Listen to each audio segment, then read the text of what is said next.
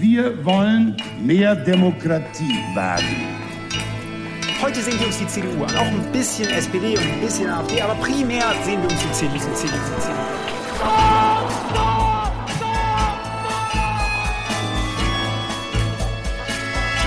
Niemand hat die Absicht, eine Mauer zu errichten. Ich weiß, ich habe heute Morgen in den Spiegel geguckt und dachte, jetzt sind die Hotte Bitch. Werden schon in wenigen Jahren blühende Landschaften, blühende Landschaften geworden sein. Früher waren wir Lametta. Wir haben so vieles geschafft, wir schaffen das. Hallo og velkommen til episode 114. Vi er som vanlig Ingrid Brekke og Kai Schwind. Men Ingrid, burde du ikke heller si hola? Jo, det burde jeg kanskje. Jeg sitter nemlig på Gran Canaria. Det er forfatterlivets eh, privilegium at man eh, kan skrive bok eh, hvor som helst, og jeg har da valgt å gjøre det i sol og varme. Ja, ok. Det unner vi deg, selv om vi er litt misunnelige. Men ja, ja, ok, greit. Men det forklarer i hvert fall hvorfor vi har litt sånn dårlig uh, Zoom-lyd her uh, igjen. Fordi du er ganske langt unna, men nær i tankene, eller hva man sier. Ja. Men uansett, hva er det vi skal snakke om i dag? Jo, vi skal snakke om en helt spesiell stilling som en poet eh, kanskje kan drømme om. Dessuten byr vi på en splitter ny spalte. Men først skal vi til politikken. Tre partier har nemlig lederskifta nå, og vi skal snakke om alle tre. Hvor syns du vi skal begynne, Kai? Ja, det er mye som skjer på denne fronten her. Eh, Jeg syns vi burde starte med en gammel kjenning. Friedrich Merz. Han har nemlig eh, blitt valgt til leder for CDU. Og det er jo nesten så man kan si han fortjener det bare for, innsatsen. Etter å ha tapt to ganger prøvde han igjen. Og eh, ikke bare vant han, men han fikk 62% i første valgomgang og nesten 95% til slutt. Hvorfor klarte han det nå? Jo, jeg tror det skyldes to ting. Det ene er at uh, Merz har vist uh, Han har forandra seg litt. Uh, han har vist endringsvilje, som det heter på, på moderne språk. Ja. Og nå uh, fremstår han som en litt annen politiker enn han gjorde for ett og to år siden. Men det viktigste er nok at det denne gangen var et ganske annerledes valg. For vanligvis så velges jo lederen i CDO av et eh, landsmøte der 1001 eh, delegerte stemmer fram den nye lederen. Eh, og da er det jo funksjonærer i partiet som sitter der. Men denne gangen var det det man kaller partibasis. Altså det betyr alle medlemmene av CDO kunne være med og stemme. Og Merz har alltid vært mer populær hos medlemmene enn hos eh, funksjonærene.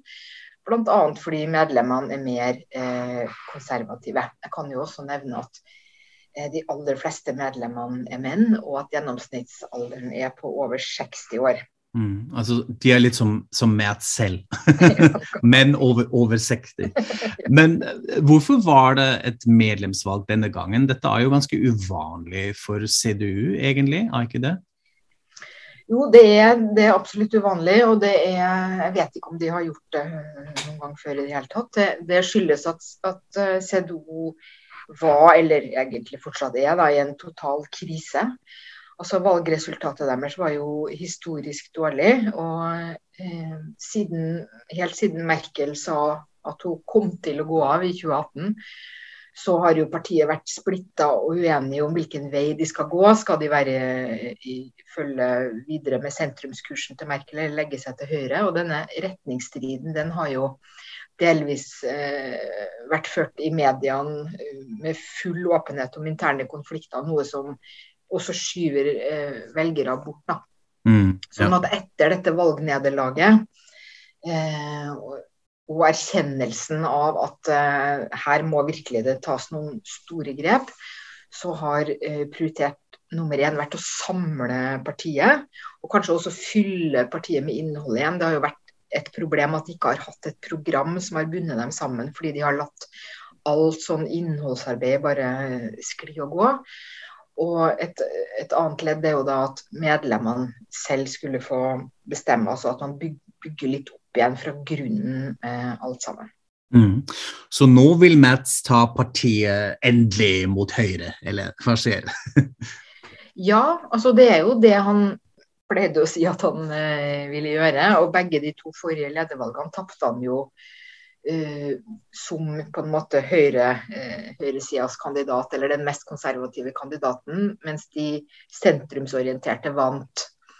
Um, og han har jo også ment at hvis CDO blir mer konservativt, så kan man vinne tilbake velgere fra AFD. Men nå, eh, etter dette valgnederlaget, eh, har han forandra analysen sin. Og tror ikke lenger på det som strategi. altså Han tror ikke lenger velgerne fra FD kan vinnes tilbake. Og han tror at uh, sentrumskurs er uh, veien å gå. Og det har vært helt påfallende å se hvordan han har uh, prøvd seg på nye ting. Og f.eks. Uh, besøkt da Forbundet for lesbiske og homofile og blitt tilhenger av adopsjon for likekjønna. Og det er sånne meninger som ingen kunne tro for en stund siden at Friedrich Merz skulle ha. Så det er virkelig Han tør eller må tenke nytt. Og han sitter jo heller ikke alene i, partiledelsen. Og det har også overraska en del, tror jeg, at han har valgt som sin nye generalsekretær. altså Pål Simiak har jo, slutter jo nå. Uh, en som heter Mario Chaya, uh, som er tidligere sosialsenator i Berlin. Og noe av denne interne motsetninga eh, i CDO har ikke bare handla om måte sentrum mot høyre eller venstrefløy mot høyrefløy, men det har også handla om hvilke interesser man mest skal representere. Og der har jo eh, Merz tilhørt næringslivsfløyen, eller han tilhører næringslivsfløyen. Mens, og, og, de har gjerne ment at sosialpolitikken har fått en altfor dominerende posisjon. Men denne Chaya han er nettopp en, en uh, sosialpolitiker.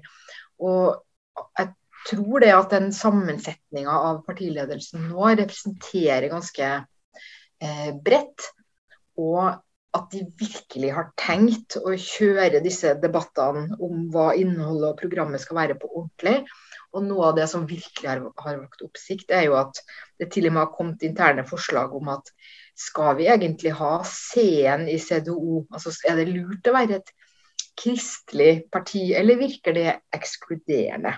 Så det må man si er Nå går det grundig til verks. Ja, absolutt. Jeg, jeg, må også si at jeg var litt sånn overrasket over å se en, en, en litt annen Friedrich Merz eh, etter han fikk vite om resultatet og skulle holde takketalen. Da ble han helt sånn gråtkvalt og begynte å, å gråte, faktisk. Han var superrørt uh, og klarte ikke å snakke og sånn. Og det har vi kanskje aldri sett før på denne måten. Nå er det jo spørs hvorfor han, han ble rørt. Dette var jo sikkert først og fremst fordi han endelig fikk, fikk det til. Men uh, ja, kanskje det, vi får se en annen uh, type Friedrich Merz i fremtiden. Uansett, i alle år har jo Merz vært erkefienden til Merkel. ikke sant? Merz har jo med tydelighet vist at hun, han ønsker forsoning. Han har invitert henne på middag osv., men Merkel sier nei. Hun vil jo heller ikke bli ærespartileder, det syns hun er en gammeldags eh, tittel, sa hun. Så hvorfor er Merkel så lite villig til å møte Merz og hjelpe med forsoningsarbeidet? Ja, nei, Det der syns jeg har vært så interessant å se på. Jeg må innrømme at jeg nesten kosa meg litt også når Merkel sier nei så veldig tydelig, og, og, bare ikke virker å bry seg noe særlig med hvordan det går med partiet. Og kanskje handler det om at hun sjøl øh, måtte jobbe så utrolig hardt for å bli akseptert, altså som kvinne fra DDR øh, på, på 90-tallet og egentlig lenge etter det òg. Eh, og det at selv etter hun var kommet til makta, så var det så mange av disse mennene som på en måte Merz er en representant for, da, som motarbeida henne og ignorerte henne og, og behandla henne dårlig. At nå når hun er ferdig med Nå har hun gjort sin innsats, og nå er hun mm. ferdig. Mm. Og dette gidder hun liksom ikke å holde på med, eller hun har ikke noe lyst til å liksom være grei. Hun skal heller nytte sitt nye liv, tenker jeg. Det kan jo hende det blir annerledes når hun bare har sovet ut. Jeg vet ikke. ja, det kan være det. Uansett, det er jo valgresultatet som teller her. Uh, tror du Mats lykkes i å samle partiet og, og vinne valg? Altså, jeg tror jeg tror i hvert fall at han lykkes i å, å samle partiet. Eh, det tror jeg. At de skal klare å lage et program nå, og at alle er så fortvilte over situasjonen at de legger godsida til og samler seg og overkommer den interne splittelsen. Men selv om de gjør det, så er det jo ikke gitt at de skal nå eh, gamle høyder for det. Eh, jeg tror at eh, de har altså, eller, alle kan se at de har et enormt problem i å nå unge folk. Og de har jo også altfor dårlig tak på, på, kvinner. Altså vi kan jo se I forbundsdagen nå så er det 23% av partifraksjonen som er kvinner. De, og de sliter virkelig med, med, rekruttering. Men han har jo klart å overkomme første hinder, og han har også blitt eh, Som nemlig er eh, Hva skulle han få den uh, fulle uh, ledertrøya på, så ville han også bli leder for parlamentsgruppa i forbundsdagen. Og det har han nå klart uten åpen konflikt. Altså Ralf Brinkhaus bare ga seg. Mm. Eh, og det, der hadde man spådd eh, uenighet, men det gikk knirkefritt. Og nå har de altså disse fire delstatsvalgene i år. Og så får vi se hvordan, hvordan det går. Eh, men i hvert fall, Merz ble, eh, fikk overta den posten i parlamentet som han i 2003 måtte gi fra seg til Merkel, og som da åpna for dette uvennskapet som eh, varer til i dag. Mm, det blir spennende. Uansett, et, et, parti som ikke har problemer med å nå frem til unge, av De grønne, de syns jeg må vi snakke om nå. Eh, fordi her eh, skjer det ting også. Annalena Bebok og Robert Habeck gir fra seg sine partilederverv. De sitter i regjeringen. Og det er skikk og bruk hos De grønne at partiverv ikke skal overlappe regjeringsposisjoner. Men hvem er det som har overtatt? Jo, de nye partilederne der de heter da Ricarda Lang og Omid Noripour. Og det, det er ikke valget enda ikke formelt avgjort. De skal også bekreftes, eh, bekrefte det skriftlig. Men det går sikkert bra. Det var ingen motkandidater, og alt gikk fredelig på landsmøtet. Men kjenner du til Nori Pordukai? Han er jo fra Hessen? Ja, jeg kjenner til han, men uh, merkelig nok ikke fra den Hessen-konteksten. Uh, jeg kjenner han først og fremst eh, som en uh, ivrig og hyppig gjest i de talkshowene som vi liker å se på, spesielt hos Markus Lanz. Da har han markert seg som en veldig sånn engasjert uh, debattant som kan ha mye sterke meninger også om sitt eget parti. Jeg husker at han gikk ganske hardt ut på en litt sånn diplomatisk måte mot Anneline Baerbock når hun hadde problemer med boka midt under valgkampen og det der. Så han er kjent uh, i det tyske medielandskapet, og da kjente jeg han fra før, men uh, ikke fra hesten da.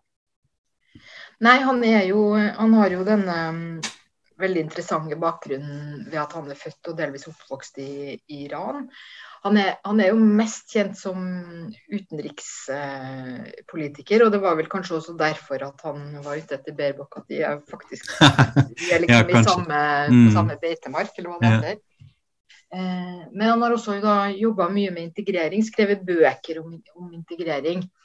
Eh, og, og, denne hans bakgrunnshistorie syns jeg også er, er så fascinerende, fordi han, han kommer jo fra ganske gode kår i Iran. Begge hans foreldre var flygeledere. Eller, mm -hmm. ja. Eh, og han har en, en, søster som er litt eldre. Og, og hun var vel da, hadde en gang havna i trøbbel hos uh, politiet. Eh, og de hadde allerede en ferieleilighet i Frankfurt. Sånn at da Noripor var 13 år, så flytta hele familien eh, dit. Og det skyldtes jo da både, Han hadde også en onkel som var, allerede var blitt uh, henretta. Sånn at det var en familie som var litt i, i sikte eh, fra, fra, de islamistiske myndighetene. Eh, og det var også dette at hvis han hadde blitt til han var 14, så ville han ikke fått dra ut, fordi da ville han måtte bli soldat. Dette var jo under Iran-Irak-krigen. Ja. Mm, okay. Ja. Men han, igjen, eh, han har virkelig eh, Disse to feltene er vel kanskje hans. Altså utenriks og, og eh, integrering. Så får vi nå se hvordan han blir som partileder. Mm. Men hvem av Ricarda Lang? Hun har jeg faktisk ikke hørt om før, må jeg innrømme. Nei, jeg har vel knapt eh, Jeg har vært på et sånn eh, Zoom-pressemøte eh, med henne. Men bortsett fra det, er jo, hun er jo ikke sånn veldig kjent. Altså, hun er bare 28 år, så er også den yngste som er valgt noen gang som partileder for De Grønne. Hun er fra Baden-Würtemberg. Eh, representerer venstrefløyen. Jeg er ganske sikker på at eh, nå glemte jeg å sjekke det, men jeg er ganske sikker på at Noripor er en såkalt realo. Altså Ja. at de kommer Mm. fra hver sin av disse to hovedfløyene hos De Grønne. Hun har ellers vært veldig markert i sosiale medier. Hun er en såkalt um, kroppspositivist og har markert seg der. Eh, og hennes hovedsaker er eh, fattigdomsbekjempelse. Hun er altså sosialpolitiker og har vært spesielt opptatt av barnefattigdom. Og jeg syns jo det var ganske morsomt etter eh, landsmøtet. Eh, så ble disse to intervjua, og begge er liksom kjempeopptatt av å si at de ikke er sånne økofolk. Og da tenkte jeg det sånn, «Å ja, altså, sånn har det blitt med de grønne nå. Ja. At, eh, at eh, det er viktig for dem å vise bredden sin.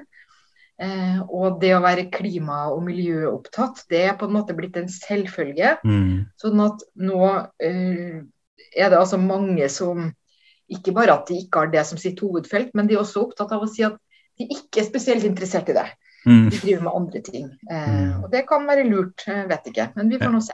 Ja, ja, De grønne landet dypt inn i sentrum, vil jeg si. Dette hørtes litt annerledes ut eh, ti år siden. eller sånt. Veldig spennende. Ok. I det siste partiet vi skal snakke om, AFD, er det ikke et lederskifte foreløpig, men den ene partilederen trakk seg og meldte seg ut samtidig. Hva har skjedd der? Ja, nei, dette er da Jørg eh, Moiten, eh, som har vært eh, leder for AFD en stund, i, i to spann i det siste med, med Tino Krupalla. Og han har blitt intervjua i alt som kan krype og gå av TV-kanaler og aviser her nå. Og det han, hans egen forklaring er at partiet har blitt radikalisert. Mm. Um, og det kan man godt si at det altså, denne, Det er jo fløyer i AFD også, og han har tilhørt den såkalte moderate fløyen, i motsetning da til eh, Bjørn Høkke og disse fylkesfolka eh, i Tyringen som har fått stadig mer eh, innflytelse. Eh, så han skylder på det, og han hengte det også på en litt sånn pussig historie som jeg tror vi godt kan dra litt, fordi den er interessant av, av mange grunner. Og det var altså Max 8. Eh, det er litt innvikla, men Max 8 han er da leder for eh, den såkalte Werteunion, som er en, en eh, gruppering man tenker på som knytta til CDO, men CDO vil egentlig ikke ha noe med dem å gjøre. Men den består stort sett av CDO-medlemmer, og Max 8 selv er, er medlem av CDO.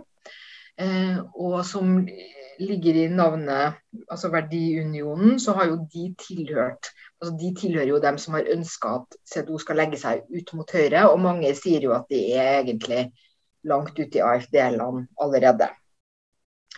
Og så er Det som skjedde nå, var at Mox 8 plutselig eh, ble AFDs presidentkandidat. Mm. Og Det er dobbelt rart, både at eh, AFD velger en, å støtte en presidentkandidat fra et annet parti, men også at en fra CDO eh, støtter en annen, eller går til et eh, stiller som kandidat når CDO egentlig har bestemt seg for at de skal jo støtte Steinmeier, som er sosialdemokrat, men som er nå sittende president, og som alle er fornøyd med. Mm. Eh, Så han går jo da på tvers av partilinja, og CDO har jo starta sånn utkastelsesprosess, da. Som vi vet jo det at dette kan ta mange år, men de har sagt at han skal ut av partiet.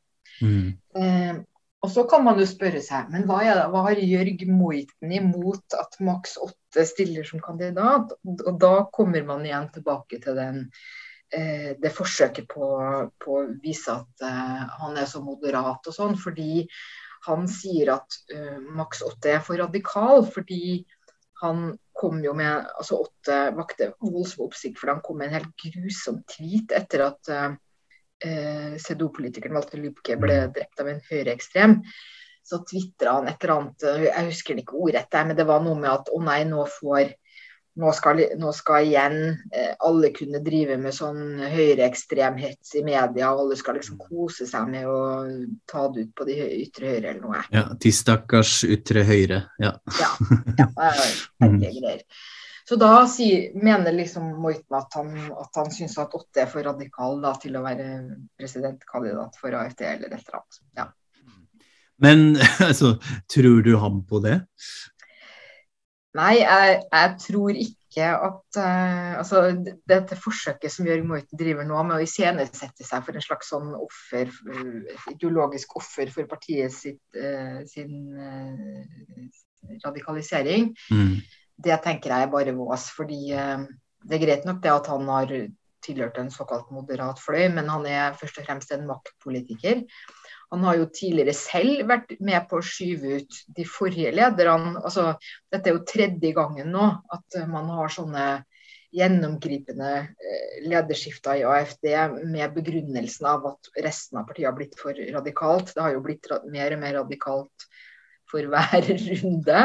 Så her gikk tydeligvis mot sin grense, men den er likevel langt ute. Altså alle som er igjen i AFD nå, er ganske langt ute. Så uh, dette ja, er ingen uh, medlidenhet uh, med Morten. Og det finnes også et helt annet bakteppe her, nemlig kan det være tilfeldig at Morten går dagen etter at EU-parlamentet Han sitter nemlig i EU-parlamentet. Har mm. opphevd immuniteten hans. Og det har de gjort fordi de skal granske hans rolle i en partifinansieringsskandale. Ikke sant. Altså jeg må si, når, når, du sier at du koser deg litt med disputten mellom Merz og Merkel, så koser jeg meg veldig med hvordan AFD klarer å tilintergjøre seg selv her, forhåpentligvis. Altså, de ramler jo sammen. Så dette er veldig, veldig underholdende å se på. Men hva skjer nå med dem?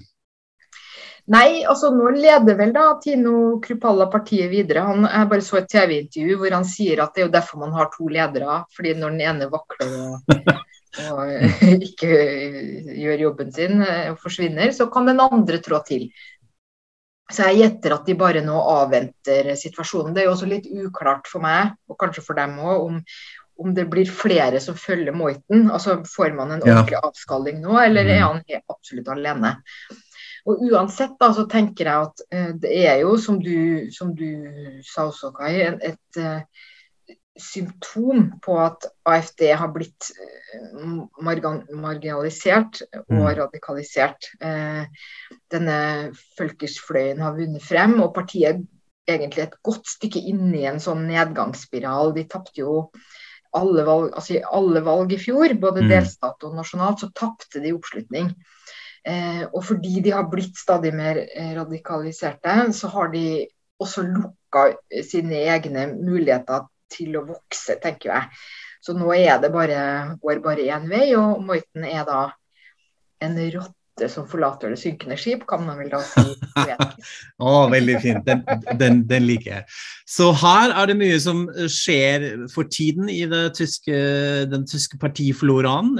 Vi har altså en ny leder i CDU, som er egentlig en gammel eh, partihest som har vært med lenge. Vi har en sånn ganske knirkefritt overgang til to nye ledere hos De Grønne. Og vi har fullstendig kaos hos AFD. Har det en fin, fin oppsummering? Kanskje. Vi får se. Vi skal følge med, i hvert fall her. Det er sikkert mange av lytterne våre som kjenner til Tysklands uoffisielle motto 'Das Land der Dichter og Denker', altså dikternes og tenkernes land. Nå har man tatt denne påstanden et hakk videre med en ganske interessant debatt om hvorvidt landet burde ha en parlamentspoet. Hva syns du om dette, Ingrid? Å, det høres kjempefint ut. Ok. Si. Ja. Forbinder du noe med det? Parlamentspoet? Ja, altså jeg har eh, en grunn til at jeg reagerer så umiddelbart positivt, er antagelig at jeg nettopp har sett Jeg driver og ser om igjen West Wing, den derre Ja, okay. TV-serien fra USA som nå er 20 år gammel. Mm. Den gangen det var demokrati i USA. Ja. Nei, men i hvert fall er det en episode eh, der eh, hvor de har en sånn eh, Jeg vet ikke om det heter parlamentspoet, men offisiell poet som er Mhm. utnevnt, og som spiller en sånn offisiell rolle, og som sier noe rart om eh, en eller annen krig, så det blir politisk krise. Ok. Eh, og da, så når jeg hører dette, så tenker jeg at ja, det, det syns jeg alle store, flotte land Spennende, interessant. Da har du litt andre assosiasjoner som, som jeg og en del andre i Tyskland. Dette har litt en annen litt sånn tysk vri. Men vi må jo se på hva, hvordan dette fungerte. Altså Det hele starta med en kronikk av forfatterne Mitu Sanyal, Dimitri Kapittelmann og Simone Buchholz i Süddeutsche Zeitung. Og da må jeg allerede stoppe litt opp og bare kose meg litt med at det er en forfatter som heter Kapittelmann. Dette syns jeg er veldig fint. Dette er min humor. Ok, uansett. eh, De foreslår altså at det tyske parlamentet burde ansette en poet, en forfatter som skriver lyrikk eller prosa eller hva som helst, basert på debattene i forbundsdagen. Så han eller hun sitter i salen, følger med under debattene og får også muligheten til å lese tekstene sine høyt som et likestilt bidrag under et parlamentsmøte. Og de tekstene eller fremføringene skal da være kunstneriske bearbeidelser av det som ble snakket om under debattene. Så de forfatterne her var nok uh, litt inspirert kanskje av den oppmerksomheten som uh, forfatteren Amanda Gorman fikk uh, da hun leste diktet sitt høyt under innsettelsen av president Biden. Men de mener også at en parlamentspoet i, i denne forstand kunne ha en brobyggende funksjon mellom politikk og samfunn, at dette bidrar til formidling av politikken blant folket og at kunst i parlamentet også har en forsonende effekt, samtidig som den også burde være irriterende og provoserende og alt det der.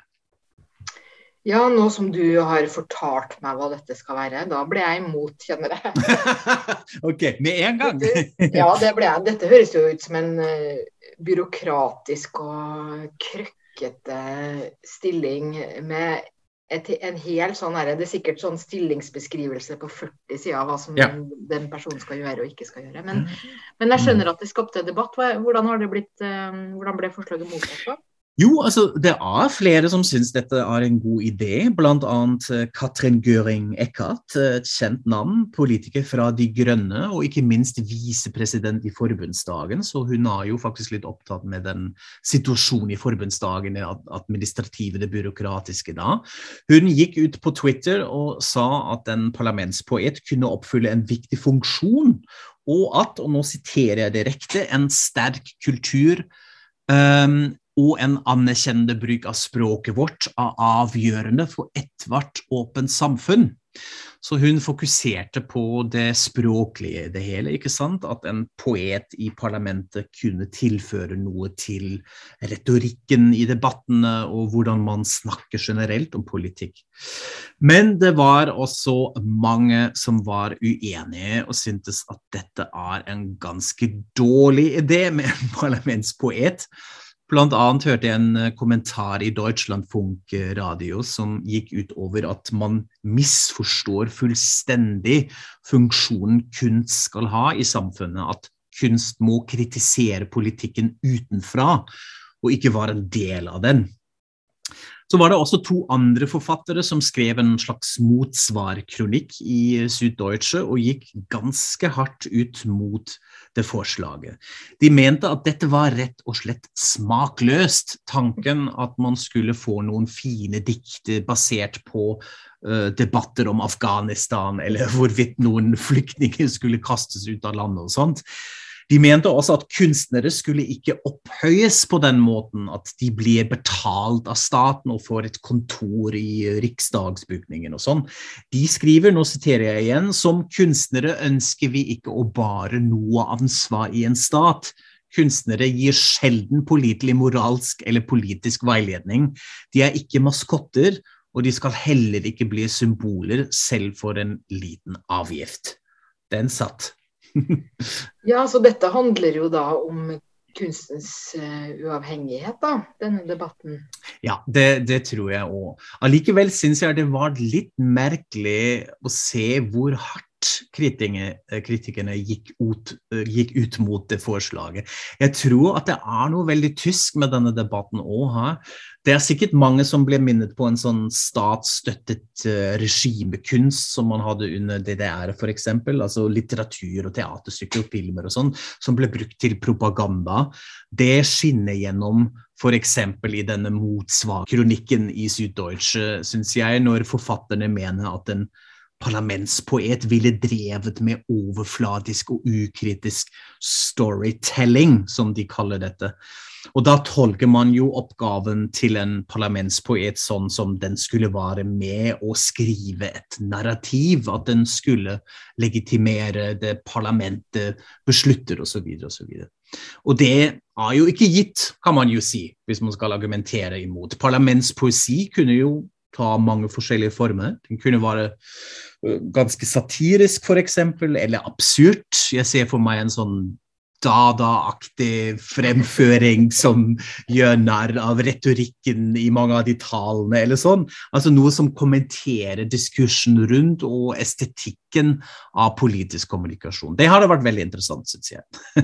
det er jo rart, det. Altså, skal man liksom bestille kritikk? Altså, det, det er et eller annet sånn veldig kunstig med hele dette her, tenker jeg. Fordi eh, hvorfor kan man ikke bare finne en eh, poet man syns er utrolig interessant og, og, viktig i dag, og så går man for full tillit og frihet, gir en flott lønn og gjerne kontor i, i, riksdagsbygningen hvor som helst, og så stoler man på at det kommer til å komme noe relevant. Man trenger jo ikke å drive med instruks. Det er jo ja. min tenker jeg. Ja, absolutt, og, det skjønner jeg godt, og jeg forstår det. Det, det, det, det minner meg faktisk om noe vi, vi har i uh, tyske kultur, kulturlivet, nemlig Stadtschreiber. ikke sant? vi kaller det altså en sånn slags um, kulturstipend som man kan få. Uh, og da får du betalt en leilighet og får ja, et budsjett, og så bare jobber du og skriver hva som helst, og ingen blander seg inn for det meste. så noe sånt egentlig hadde jo kanskje gitt aller mest mening. Ja, for de byene som har en statsschreiber, de har vel glede av det, uten at de har instruert om hvordan jobben skal gjøres? Ja, absolutt. Iblant er det jo debatter òg, at man syns det er litt sånn drit de, de kommer med og sånn, men for det meste er det en sånn forståelse. Og jeg syns det er rart i denne debatten at det er ingen som har foreslått det, ikke sant. Jeg syns det er bare rett å se at folk har blitt så sinte fordi noen har foreslått en parlamentspoet i det hele tatt. Jeg tror det er det som jeg reagerer aller mest på. Og jeg tror det skyldes en stor angst eh, som vi har i Tyskland for å blande kultur og politikk. Altså, det fins jo det berømte eh, Theodor Adorno-sitatet. ikke sant? Det er barbarisk å skrive dikt etter Auschwitz, hvor han mente at man må tenke annerledes om kunstens funksjon etter andre verdenskrig. Og her har man etablert en, en tanke at, at kunsten alltid burde være i opposisjon til makten. Den kan ikke sitte midt i parlamentet. Um, jeg tror det er det uh, som henger med her. Men tror du man hadde diskutert det uh, annerledes i Norge, eller? altså Hvis noen uh, hadde foreslått at Stortinget skulle ha en stortingspoet, så tror ja. jeg at uh, man noen Det hadde blitt mye latter og sikkert mye sånn håning og sånn, og så hadde det blitt en diskusjon om penger. ok. Ja, ok, jeg, jeg ser den. det ser uansett ut som eh, debatten i Tyskland er nedlagt foreløpig, men hvem vet? Kanskje har vi en parlamentspoet i forbundsdagen en vakker dag. Vi får se. men nå, Kai, skal vi gjøre noe helt nytt, eller? Ja, det gjør vi.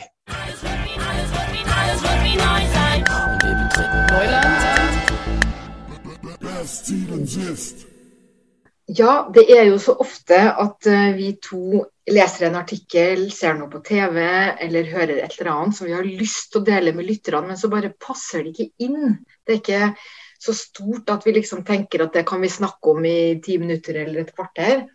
Eh, men vi har likevel bare lyst til å dele det, og derfor har vi nå laga en ny spalte der vi skal fortelle om et eller annet som har gjort inntrykk på oss. Absolutt. Det er veldig gøy. Og så må jeg kanskje si litt om denne jinglen her, for å forklare litt. ikke sant? Eh, den er lagd av vår musiker Martin Stelzle i, i, Tyskland, som har også lagd eh, det andre lyddesignet vårt. Og her har vi brukt en sample fra låten 'Alles Neu' fra det tyske elektropopbandet Mia, som kanskje noen av lytterne våre har hørt om. Hun har, det må jeg bare si, en, en, bandet har en frontkvinne med med en fantastisk navn, nemlig Mietsekatz. Uh, det er pseudonymet hennes, men uh, det syns jeg var helt fantastisk. Altså Pussycat på, på tysk, det syns jeg er veldig fint. Og så har vi selvfølgelig litt Angela Merkel med i, uh, i jinglen også, som dere sikkert hørte. Må alltid ha litt Angela Merkel. Det må vi. men du er jo først ut, Kai. Hva var det du Eh, lot deg begeistre av? Ja, jeg kom på en veldig fin artikkel fra Der Spiegel i anledning at Malene Dietrich, altså det tyske skuespillerikonet, hadde fulgt 120 år i desember i fjor hvis hun ikke hadde dødd i 1992.